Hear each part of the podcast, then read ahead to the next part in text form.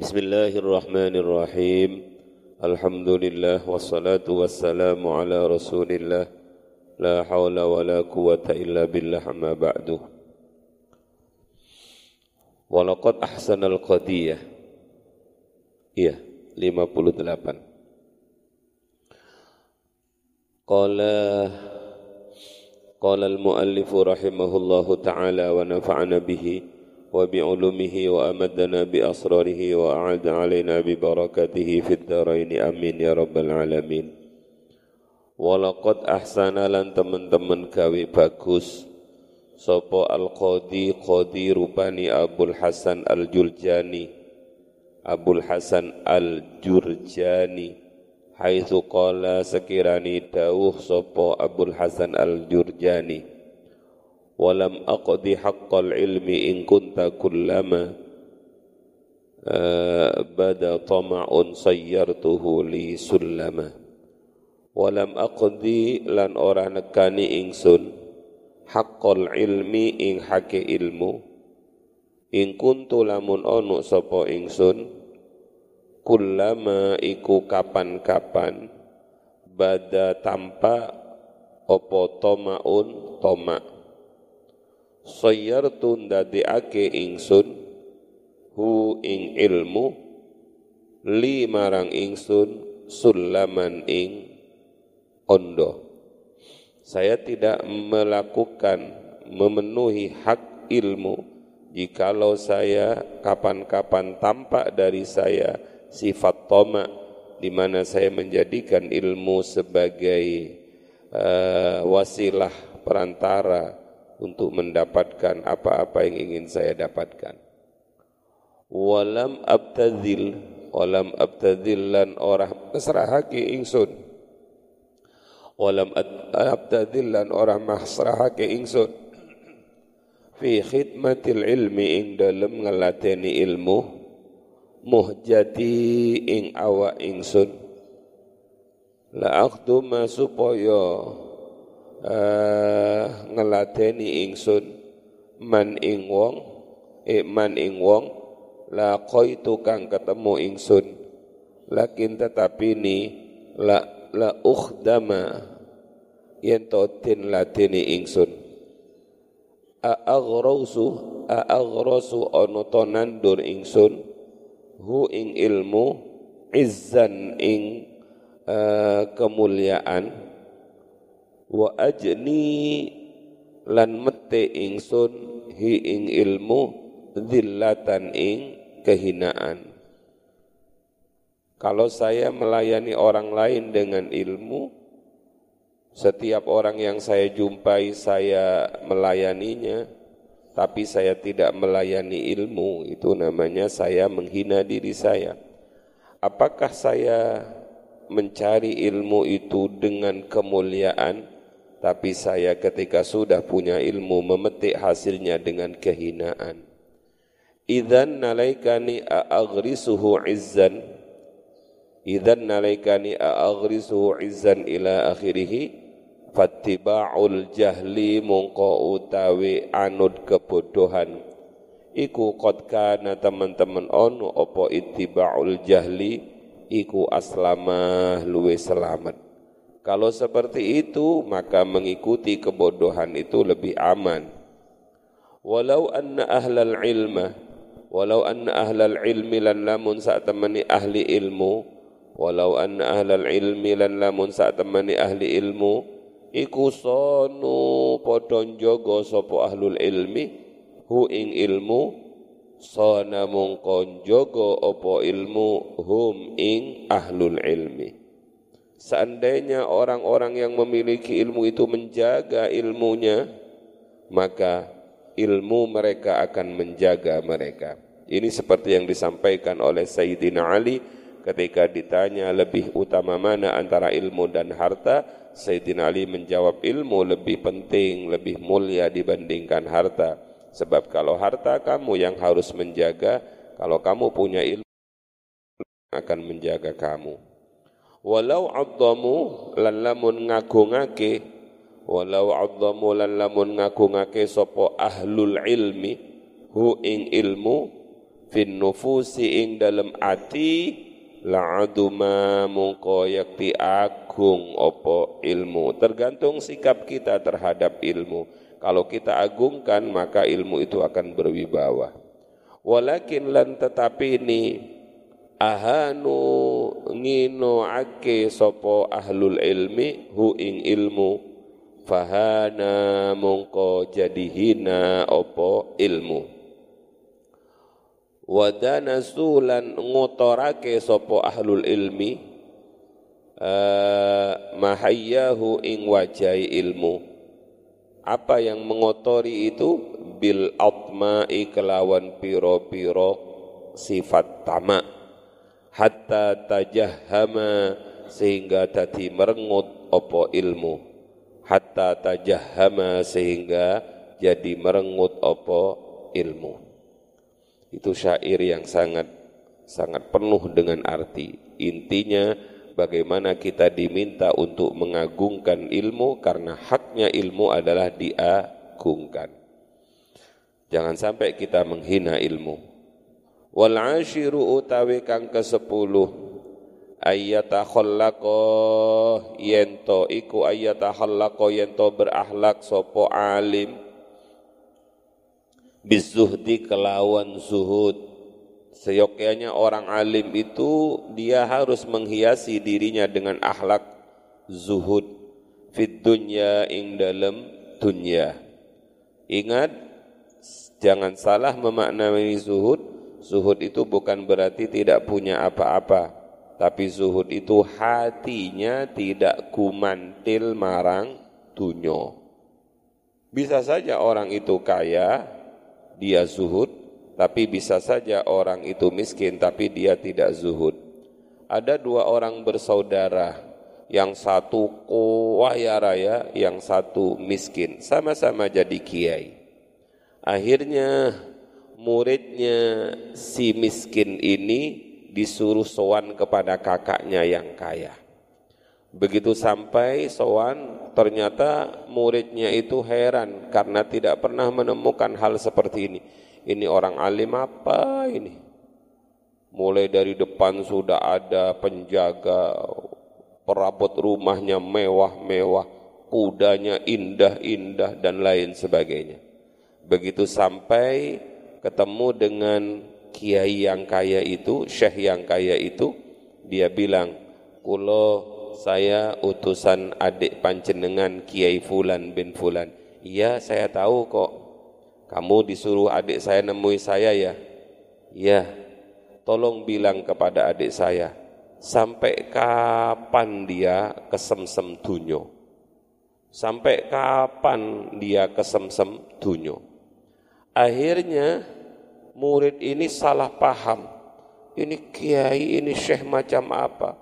Wong yang bergelimang harta itu adalah dirinya, sedangkan guru saya adalah guru yang zuhud.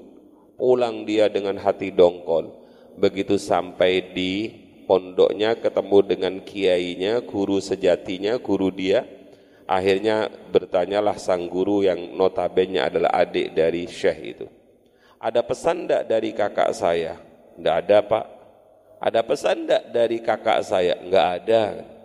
Mah pasti ada. Ada tapi salah pesannya. Kok salah? Apa pesan dia? Kakak Anda bilang, sampai kapan Anda kesemsem dunia, senang dunia? Nangislah sang adik, kemudian sang adik itu mengatakan, terima kasih wahai kakakku, walaupun dari tempat yang jauh engkau mengingatkan aku. Semakin bingung sang murid itu. Akhirnya bilang, Kiai mohon maaf, Ternyata salah itu sebenarnya. Yang bergelimang dengan harta itulah yang orang apa itu kesemsem dunyo. Sedangkan kiai kan zuhud. Apa jawabnya kiainya itu? Nah ketahuilah kakakku itu kaya raya. Tapi hatinya kosong dari harta karena hatinya hanya untuk Allah. Sedangkan saya tidak punya harta, tapi setiap hari saya selalu memikirkan harta. Yang zuhud bukan saya nak, yang zuhud adalah kakak saya. Jadi itulah zuhud sejati.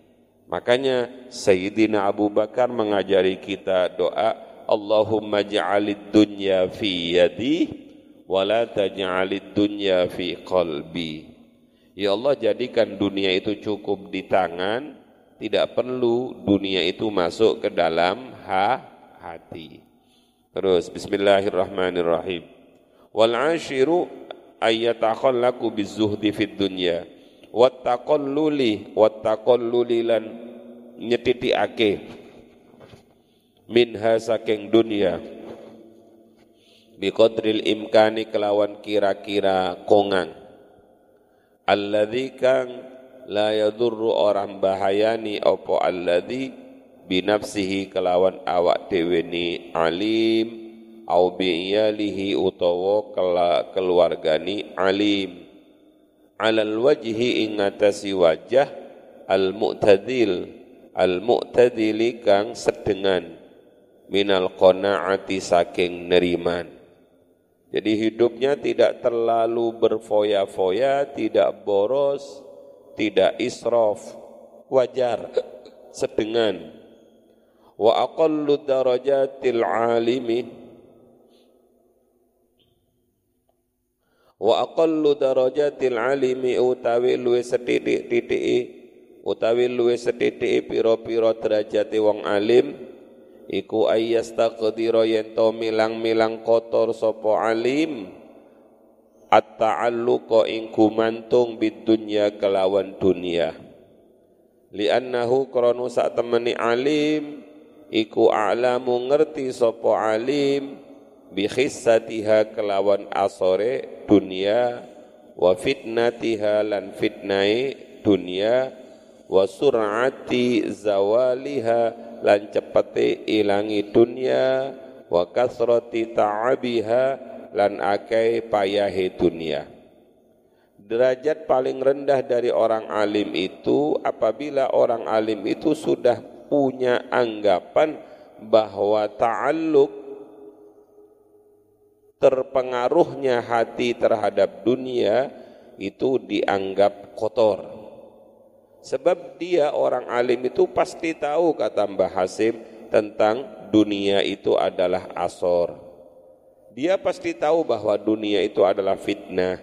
Dia pasti tahu bahwa dunia itu akan cepat sirna. Dia pasti tahu bahwa melayani dunia itu pasti akan membuat dia payah. Sebab Allah sampun dawuh pada dunia itu, ya dunia, wahai dunia, ikhdimi man khadamani wastahdimi man khadamaka. Wahai dunia, layani orang yang melayani aku. Itu dawuhnya Allah pada dunia. Wahai duniaku, layani orang-orang yang melayani aku. Tapi jadikan dia pelayan bila dia melayani kamu. Maka pasti payah kalau melayani dunia. Jadi Abah itu pernah guyon di sebuah pengajian itu. Kulo niki nyambut damel nopo katanya Abah. Boten nyambut damel nopo-nopo, perusahaan ndak punya dan lain sebagainya. Tapi kulo yakin kalau kulo ngeladeni Allah pasti dunia akan ngeladeni kulo. Tapi kalau kulo ngeladeni dunia pasti kulo akan jadi budaknya dunia. Maka ikhdimi man khodamani wastakhdimi man khodamaka. Terus fahuwa mungka utawi alim iku ahakun luwe hak bi'adamil iltifati kelawan orang anani noleh ilaiha marang dunia wal istighal wal istighal wal istighalilan ketungkul sibuk bihumumiha kelawan prihatini dunia. Orang alim itu seharusnya dia tidak terlalu menoleh terhadap gemerlap dunia, apalagi sibuk ngurusi dunia. Sebab orang itu sudah punya kapling masing-masing.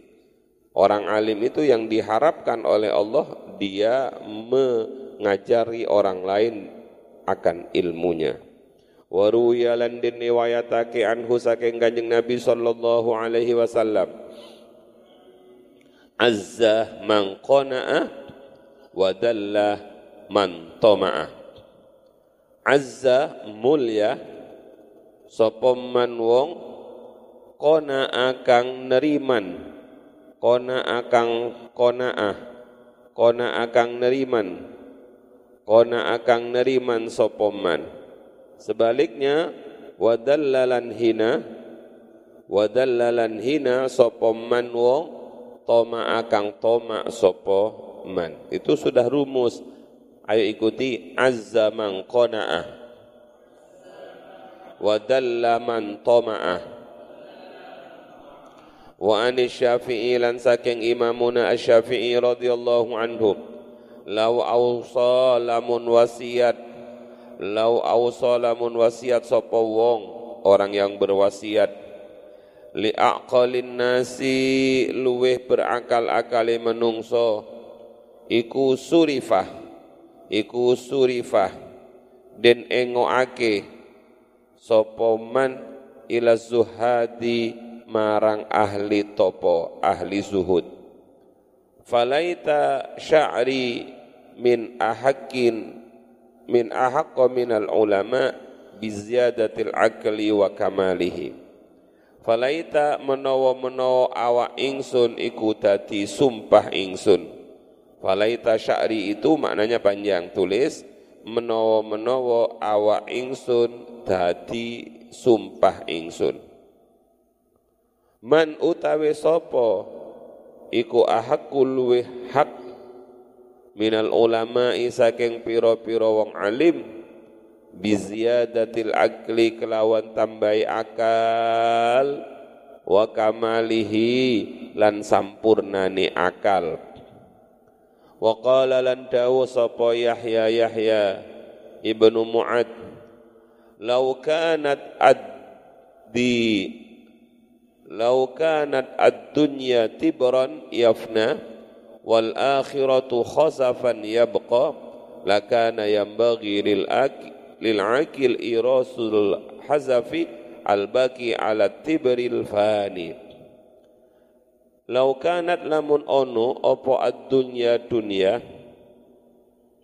iku tibron emas murni tapi yafna rusak opo tibron wal akhiratu utawi akhirat iku khosafan kreweng. Kreweng itu pecahan genting itu. Ya bako kang kekal opo hazafan lakana yakti onu opo kelakuan yang bagi iku sayukjo lil akili kedue wong akal Opo itharul hazafi mendahulukan kereweng atau tembikar albaki kang kekal alat tibri ngalahake marang emas murni alfani yang rusak. Fakaifa fakaifa mongko hale koyok nopo wad dunya hale utawi dunya iku hazafun kereweng. Fanin kang rusak wal akhiratu lan utawi akhirat iku tibrun masmurni bakin kang kekal. Gimana maksudnya? Kata Yahya bin Muad seandainya dunia ini diibaratkan emas murni tapi habis rusak sedangkan akhirat itu diibaratkan genting tapi kekal, maka yang kekal pasti lebih utama dibandingkan yang rusak. Bagi orang yang berakal pasti akan mengambil yang kekal daripada yang rusak. Mengambil apa itu maksudnya? Genting. Lah mendahulukan genting itu lebih penting dibandingkan emas karena emas itu rusak. Bagaimana halnya Padahal kenyataannya adalah dunia itu kereweng yang rusak. Sedangkan akhirat itu adalah emas yang kekal. Itu perumpamaan yang sangat indah, apa ya, analogi yang sangat luar biasa. Bodoh-bodohnya orang yang mengambil dunia mengalahkan akhirat. Kalau dalam Al-Qur'annya wal akhiratu khairu wa abqa. Terus wa hakikun iku wa hakikun lan iku sak pantese liman marang wong alima kang ngerti sapa man annal mala matrukun liwarisin annal mala ing sak temeni harta iku matrukun din tinggal liwarisin marang ahli waris. Wa musabun lan dikenani ujian musibah. Bihadisin kelawan perkara kang anyar teko. Ayyakuna utawi yen to ono apa zuhduhu zuhutiman fiha ing dalam dunya iku aqwa luweh kuat min raghbatihi tenimbang demeni man perhatikan annal mala matrukun liwarisin harta itu tidak akan dibawa mati. Kemarin sudah kita sebut bahwa harta kita yang sebenarnya itu adalah apa yang kita makan kemudian jadi daging dan kekuatan, apa yang kita minum kemudian jadi daging dan kekuatan. Yang kedua adalah apa yang kita pakai kemudian lapuh dan yang ketiga adalah apa yang kita infakkan di jalan Allah. Itu harta kita sebenarnya. Lebih dari itu bukan hartanya ahli waris Iya kalau ahli warisnya bagus akan digunakan harta itu untuk ibadah. Tapi kalau ahli warisnya enggak bagus, rebutan warisan malah bisa saling bermusuhan antara kakak dan adik. Bisa saling tidak bertegur sapa antara kakak dan adik. Atau bisa saling tuntut-tuntutan ke penjara antara kakak dan adik. Itu bahayanya du dunia. Terus Wal hadi asyara utawi kang ke-11. Adab orang alim yang ke-11. Iku anda yang to ngedoi sapa alim. Andani bisa keng asor-asore pengupo jiwa. Seorang alim sayokjanya seharusnya dia tetap bekerja tapi pekerjaannya jangan pekerjaan yang menghinakan dirinya.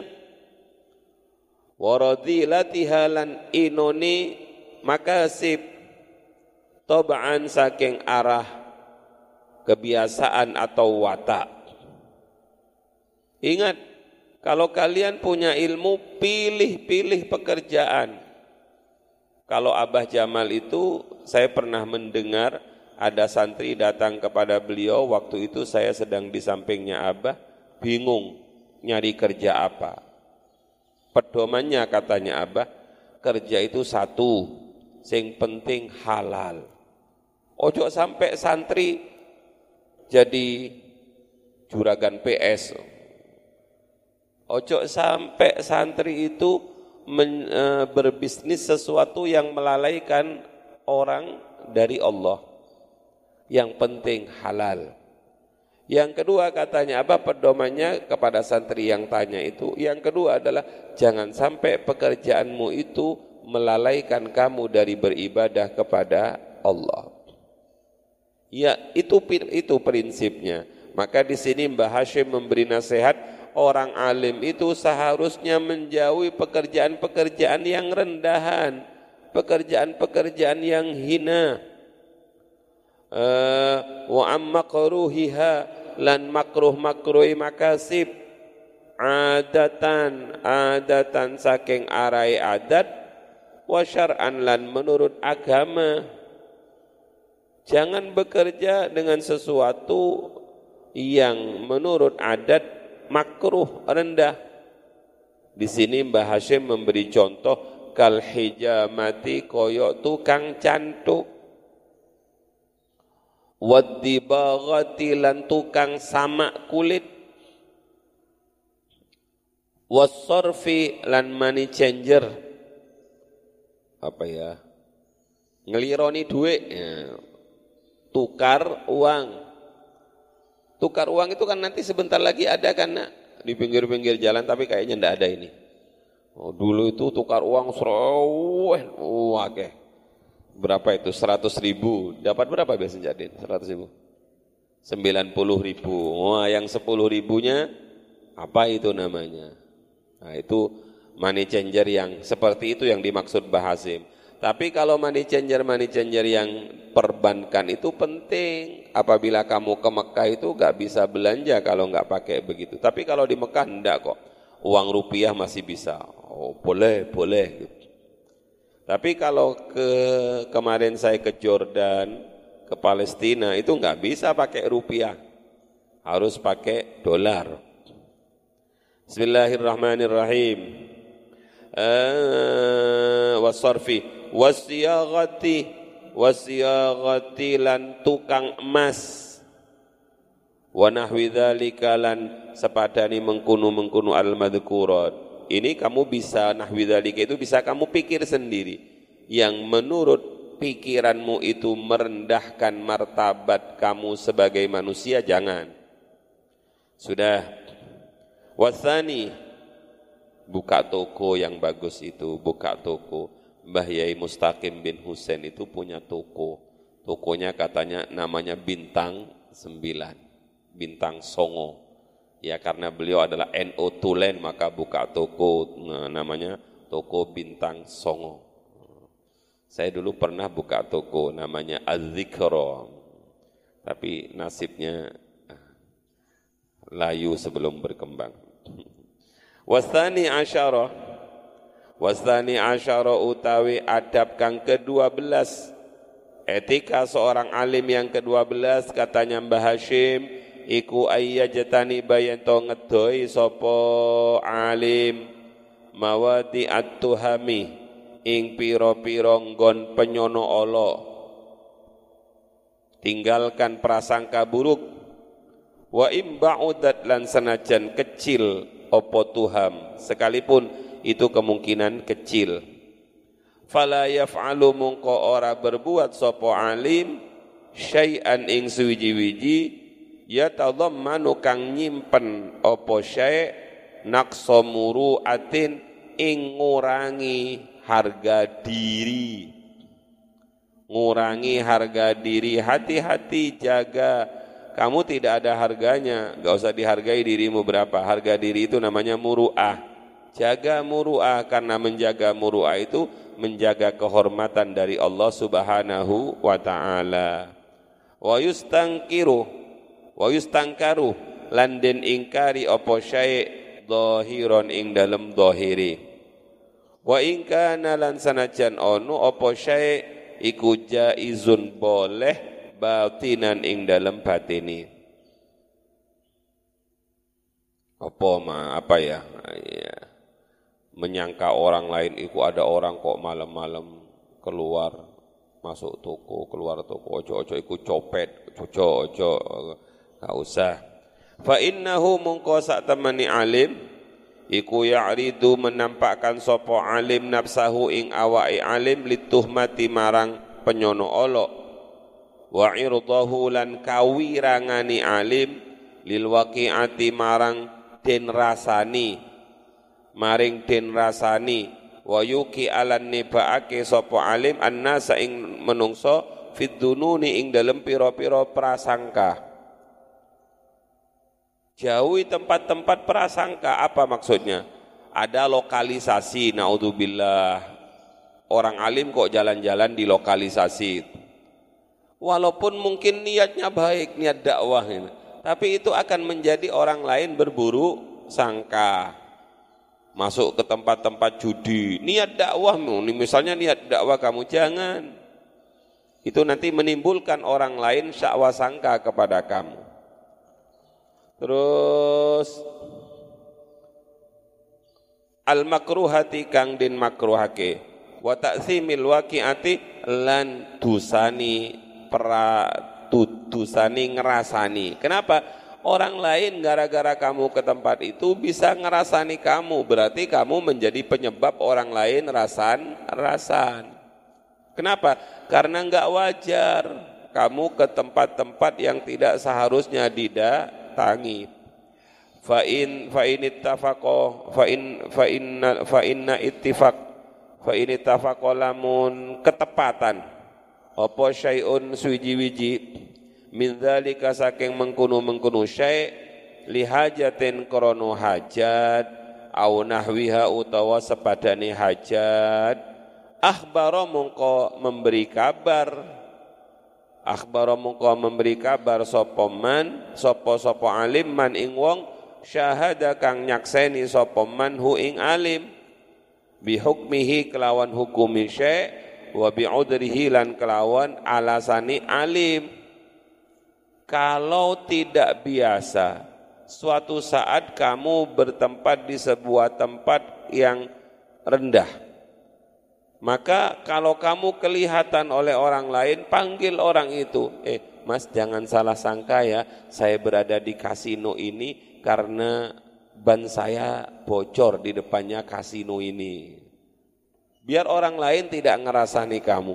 Itu ya opo serbanan kok ada di depannya kasino. Wa maksudihi sampaikan juga alasanmu maksudihi dan sampaikan juga maksudmu. Wa maksudihi lan maksudi alim. Kaila ya sama supaya ora dosa sapa wong bisa babihi kelawan sebab alim. Agar tidak orang lain menjadi ngerasani kamu dan dosa orang lain awiyan firoh utawa melayu sapa man anhu saking alim. Mau aku ngaji ambek wong iku lapo kemarin ono nang fala yantafi'u mungko orang ngalap manfaat sapa man biilmihi kelawan ilmu ni alim. Akhirnya orang moh dengan ilmu orang tersebut. Wal yastafid lan supaya ngalap faedah sapa al jahilu wong kang bodoh bihi kelawan alim pernah ada kejadian Rasulullah sallallahu alaihi wasallam dalam ini walidalan krono iki-iki kaila ya sama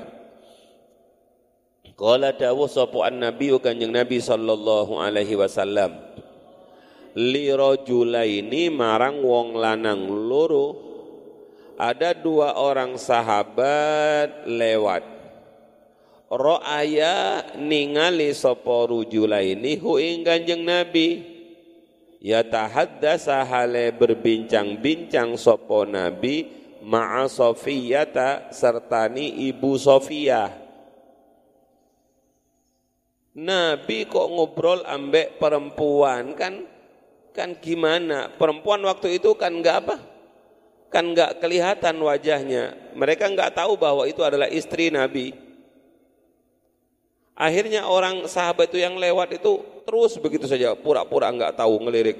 Ya, sir-siran. Nah, Nabi dikira sir-siran karena Nabi sedang itu ya tahaddasa ma'a Sofiyata Lantas summa ajaza nuli ngelewati sapa ini ala rislikihima katakan yang Nabi alon-alon sira.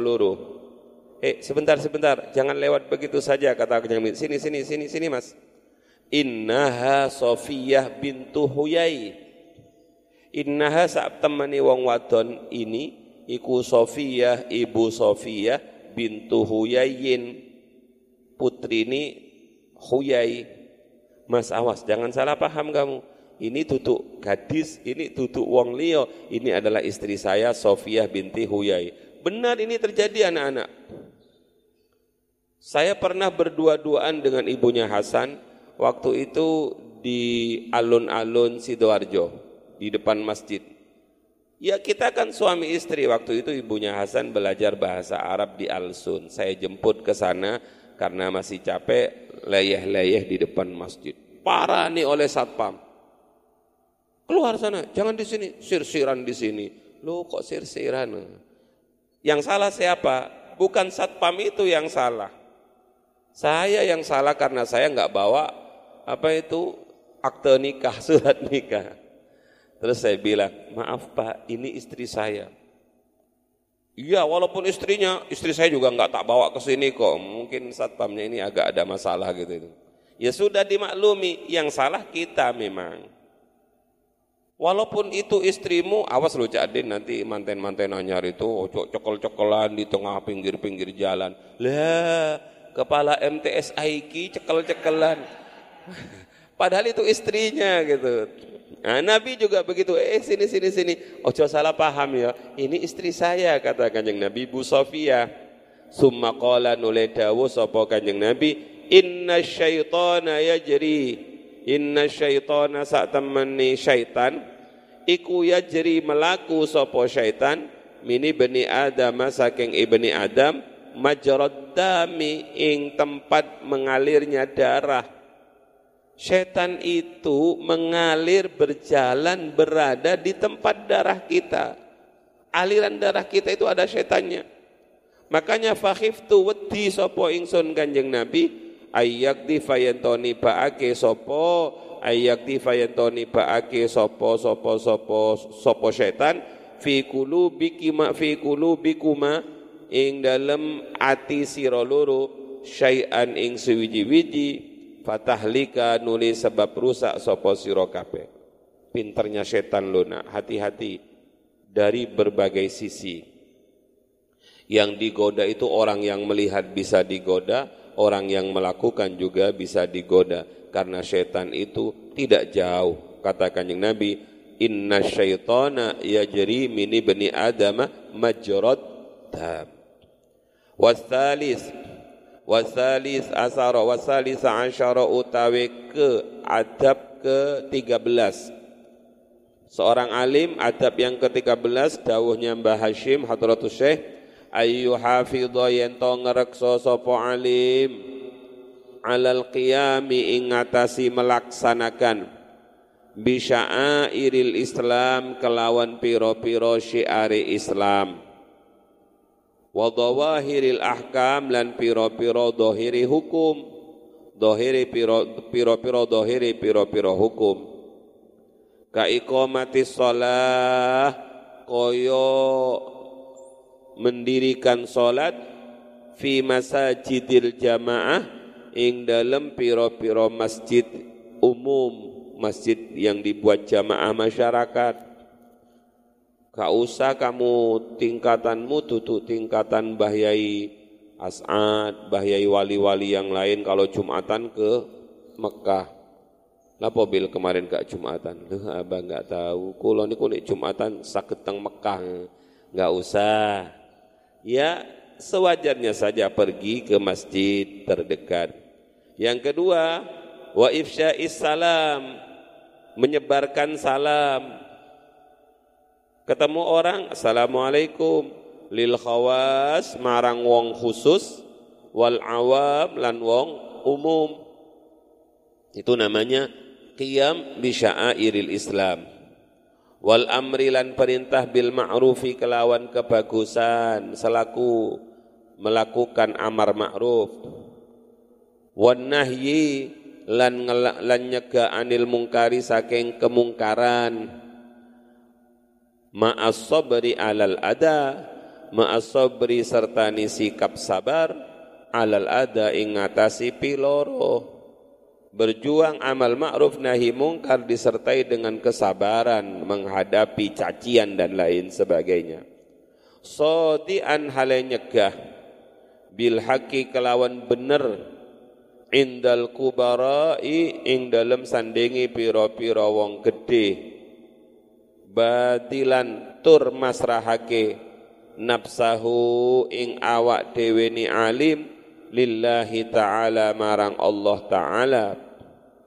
La yakhafu fihi laumata laim orang alim enggak boleh punya perasaan takut. La yakhafu ora wedi sapa alim. Fihi ing dalem fihi ing dalem hak laumata laim ing cacatani wong kang nyacat. Tetap berjuang, jangan khawatir dirasani, jangan takut dicacat, jangan takut dibuli, Sing penting betul-betul amar ma'ruf nahi mungkar ma'as sabri. Amar ma'ruf jalannya dengan ma'ruf, nahi mungkar juga dengan cara ma'ruf. Jangan nahi mungkar dengan cara mungkar. Teruskan.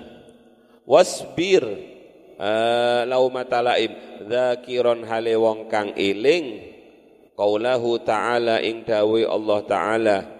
Wasbir ala ma asabak. Inna dzalika min azmil umur. Wasbir lan sabara sapa sira ala ma ing atasi perkara. Asaba kang ngenani apa maka ing sira. Inna dzalika satemeni mengkunu mengkunu sabar. Iku min azmil umur. Iku min azmil umur saking kokoe pira-pira perkara. Wa malan barang kana anu sapa kana anu apa sapa Rasulullah wa ma kana. Sapa Rasulullah Rasulullah sallallahu alaihi wasallam. Wa ghairuhu lan liyani kanjeng Rasul. Wa ghairuhu lan liyani kanjeng Rasul. Alhamdulillah. Minal anbiya saking pira-pira nabi. Alaihi ing ngatasi ma bayanima minas sabri saking sabar. Alal ada ingatasi piloro coba kita baca sejarah. Ndak ada yang namanya nabi itu enggak memiliki apa ya ada disakiti. Pasti para nabi itu disakiti oleh para pengikutnya. Sebelum para pengikutnya itu menjadi ikuti nabi itu. Menyakiti para nabi itu bisa satu dengan kata-kata, yang kedua bisa dengan perbuatan. Coba lihat. Wa makanu wa ma barang kanu onu sopo ambia iku ya tahammaluna nanggung sopo ambia hu ingma fillahi ing dalam Allah taala Ming ingkari atsba'ihim saking ingkari piro-piro pengikuti ambia alaihim ingatasi ambia kemudian Bahasim setelah beliau mengatakan bahwa para nabi itu biasa diingkari oleh para kaumnya contoh mislu qasosi adama ma'abanihi perumpamaan ini cerita ini Nabi Adam ma'abanihi serta anak-anake Nabi Adam. Nabi loh nak, Nabi setingkat Mbah Adam Nabi. Bagaimana sikap anaknya? Siapa itu?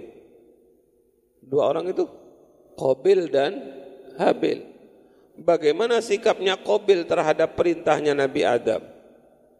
Bagaimana sikapnya Habil? Habil manut nut nut malah Qabil yang sampai membunuh Habil. Biasa begitu-begitu itu dalam berjuang. Wa syais lan Nabi Syais. Begitu juga Nabi Syais. Ma'a qaumihi serta ni kaumnya Nabi Syais. Wa Nuhin lan Nabi Nuh kita sudah masyur seperti apa ceritanya Nabi Nuh ditolak oleh kaumnya. Bahkan Nabi Nuh digendeng-gendengkan oleh kaumnya. Karena apa? Karena Nabi Nuh membuat perahu. Malah perahunya itu perahunya Nabi Nuh itu ditelei. Orang kampung itu semuanya kalau kalau buang kalau buang air besar BAB itu mereka enggak ke sungai, kak ke WC, tapi naik ke perahunya Nabi Nuh. Sehingga perahunya Nabi Nuh itu penuh dengan kotoran mereka. Akhirnya mereka sakit perut semua. Pol-polan sakit perutnya. Dan tidak sembuh-sembuh sakit perutnya itu. Kemudian ada orang, satu orang yang mendapatkan firasat bahwa sakit perut masal itu bisa sembuh apabila minum obat telek. Akhirnya begitu dicoba minum telek itu, ngambil telek sembuh. Ngasih tahu, eh kalau pengen sembuh, ambil telek di perahu itu. Wah akhirnya ngambil semua sembuh. Yang enggak kebagian telek itu sampai keret-keret itu, dikoret-koret, seret-seret. Sehingga perahunya menjadi bersih lagi. Begitu Nabi Nuh seperti itu terhadap kaumnya. Akhirnya sampai-sampai anaknya saja gak mau. Itulah namanya perju perjuangan Nabi Nabi Nuh. Terus siapa ini? Nabi Hud. Nabi Hud itu diutus oleh Allah kepada kaumnya yang bernama kaum Ad. Umurnya Nabi Hud itu panjang hampir 500 tahun, 472-an tahun umurnya. Dan kaumnya tidak ada yang beriman kepada Nabi Hud kecuali segelintir. Akhir dari perjalanan kaum Ad itu oleh Allah dikirim angin topan, badai, campur panas. Karena apa? Karena mengingkari nabinya. Sekarang enteng dikirim corona. Itu Nabi Hud. Terus wasoleh Nabi Soleh. Nabi Soleh begitu. Alhamdulillah saya juga dengan ibu sampai ke Nabi Nabi Soleh ini. Nabi Soleh, Nabi Soleh itu ceritanya masyhur dalam Al-Quran. Sampai lihat sendiri di surat Al-A'raf itu. Nabi Soleh itu ketika ngajak kaumnya untuk menyembah Allah, beriman kepada Allah, enggak ada yang mau. Puncaknya mereka itu mau apabila Nabi Soleh mau membuktikan kenabiannya dengan jalan sesuatu yang mustahil terjadi menurut akal. Apa itu? Soleh, kalau kami, kalau kami disuruh beriman, tolong dong kasih tanda bahwa kamu itu betul-betul Nabi. Tolong dong kasih tanda kekuasaan Tuhanmu. Kalian minta apa kata Nabi Soleh? Keluarkan unta betina bunting dari batu besar itu. Ini kan nggak mungkin terjadi. Karena mereka ingin menghina Nabi Soleh dengan permintaan seperti itu. Akhirnya Nabi Soleh bermunajat kepada Allah. Kemudian dengan izin Allah keluarlah dari batu besar itu unta besar betina bunting lagi. Singkat cerita, mereka tetap tidak percaya. Ada sebagian kecil yang percaya, tapi sebagian besar malah tidak percaya. Sehingga kemudian Nabi Soleh harus membagi waktu minumnya itu loh. Hari ini karena unta ini harus minum maka sumber ini miliknya unta. Besok milik kalian. Tapi unta itu terus memberikan susu kepada kaum itu, tapi kaum itu tetap tidak beriman. Singkat cerita, akhirnya mereka melakukan makar, apa itu? Membunuh untanya Nabi Soleh itu. Itu beratnya perjuangan para nabi zaman dahulu. Ma'a wa Ibrahim lan Nabi Ibrahim. Nabi Ibrahim kita sudah kenal bagaimana ceritanya Nabi Ibrahim bersama Raja Namrud. Bahkan wa abihilan bersama bapaknya Nabi Ibrahim. Yang disebut dalam Al-Quran itu Azar. Wa Ya'qub dan Nabi Ya'qub ma'abanihi serta anak-anaknya Nabi Ya'qub. Nabi Ya'qub bersama-sama anaknya. Bagaimana anak-anaknya Nabi Ya'qub itu ada yang patuh Yusuf dan Yahuda sedangkan Bunyamin eh, Yusuf dan Bunyamin sedangkan Yahuda dan kawan-kawannya sama-sama membangkang terhadap Nabi Yakub. Wa Yusuf ma'a ikhwatihi. Bagaimana ceritanya Nabi Yusuf? Muluskah ceritanya? Enggak, berat. Ujiannya luar biasa. Apa? Yang pertama kali itu Nabi Yusuf diasingkan seperti diculik dengan skenario yang indah, mau diajak main-main katanya, tapi kemudian Nabi Yusuf dilemparkan ke dalam sumur tua yang tidak ada airnya. Kemudian mereka sebelum melemparkan Nabi Yusuf mencopot jubahnya Nabi Yusuf, kemudian di apa itu? Dioles-olesi dengan darahnya serigala. Akhirnya mereka mengatakan, maaf, Yusuf diterkam serigala, ini pak jubahnya. Sayangnya mereka lupa tidak menyobek jubah itu. Logikanya kalau Nabi Yusuf itu sebelum itu belum jadi nabi, kalau Yusuf itu diterkam serigala pasti hasil bekas terkamannya itu ada. Tapi kemudian karena mereka hebat, mereka menangkap serigala itu ketika ditanya oleh Nabi Yakub ayahnya, "Eh, kenapa kamu menerkam anak saya yang tidak salah?" Lo siapa yang menerkam? Mereka yang membuang. Saya itu sedang jalan-jalan ingin ketemu saudara saya kemudian ditangkap oleh mereka. Itulah. Tapi apa yang dilakukan oleh Nabi Yusuf sabar menghadapi apa itu perbuatan saudara-saudaranya. Justru kesabaran Nabi Yusuf itu berbuah ketika beliau berada di dalam gelapnya sumur itu Allah memberikan wahyu kenabian. Luar biasa. Tidak sampai di situ ceritanya Nabi Yusuf. Kemudian Nabi Yusuf mendapatkan godaan yang luar biasa bersama Zulaikha. Wa Ayub lan Nabi Ayub. Wah Nabi Ayub itu mas. Nabi Ayub itu gimana ya? Nabi Ayub itu kan orang yang ahli ibadah. Wah ya raya. Anaknya buahnya ganteng-ganteng, cantik-cantik. Istrinya wayu. Ahli ibadah. Akhirnya iblis bilang kepada Allah, Ya Allah, kalau Ayub ibadah seperti itu saya enggak heran. Kenapa memang? kata Allah. Allah tahu tapi Allah bertanya itu biar bisa dicatat. Kenapa memang? Lawang semuanya ada. Istri cantik, anak-anak kuanteng cantik-cantik, harta melimpah. Coba kalau Ayub itu miskin, masihkah dia bisa beribadah? Enggak mungkin. Akhirnya Allah betul-betul ingin memberitahu iblis bahwa Ayub itu adalah orang pilihan diambil, rusak, terbakar semua hartanya Nabi Nabi Ayub. Tapi Nabi Ayub tetap saja beribadah. Akhirnya iblis datang kepada Nabi Ayub. Yub, yub, katanya iblis. Lah, apa sampean ibadah koyok ngono wong hartamu juga dibakar oleh Tuhanmu. Kau usah beribadah seperti itu. Apa kata Nabi Ayub? Bro, kamu tahu ndak? Harta itu titipan. Kalau mau diambil oleh yang nitipi ya silahkan. Wong saya dititipi saja kok. Enggak akan menyurutkan ibadah saya. Tambah kencang ibadahnya. Datang iblis itu kepada Allah. Ya Allah. Eh gimana kamu lihat? Tambah kencang ya Allah. Ayub ibadahnya. Tapi saya masih penasaran. Kalau seandainya anak-anaknya itu mati semua. Apakah dia masih akan beribadah? Singkat cerita seluruh anaknya mati. Ternyata Nabi Ayub tetap rukaan sujadan Katanya iblis, wah diapakan lagi ini. Minta lagi Allah satu, buat dia sakit. Yang sakitnya itu menjijikkan. Akhirnya dituruti oleh Allah.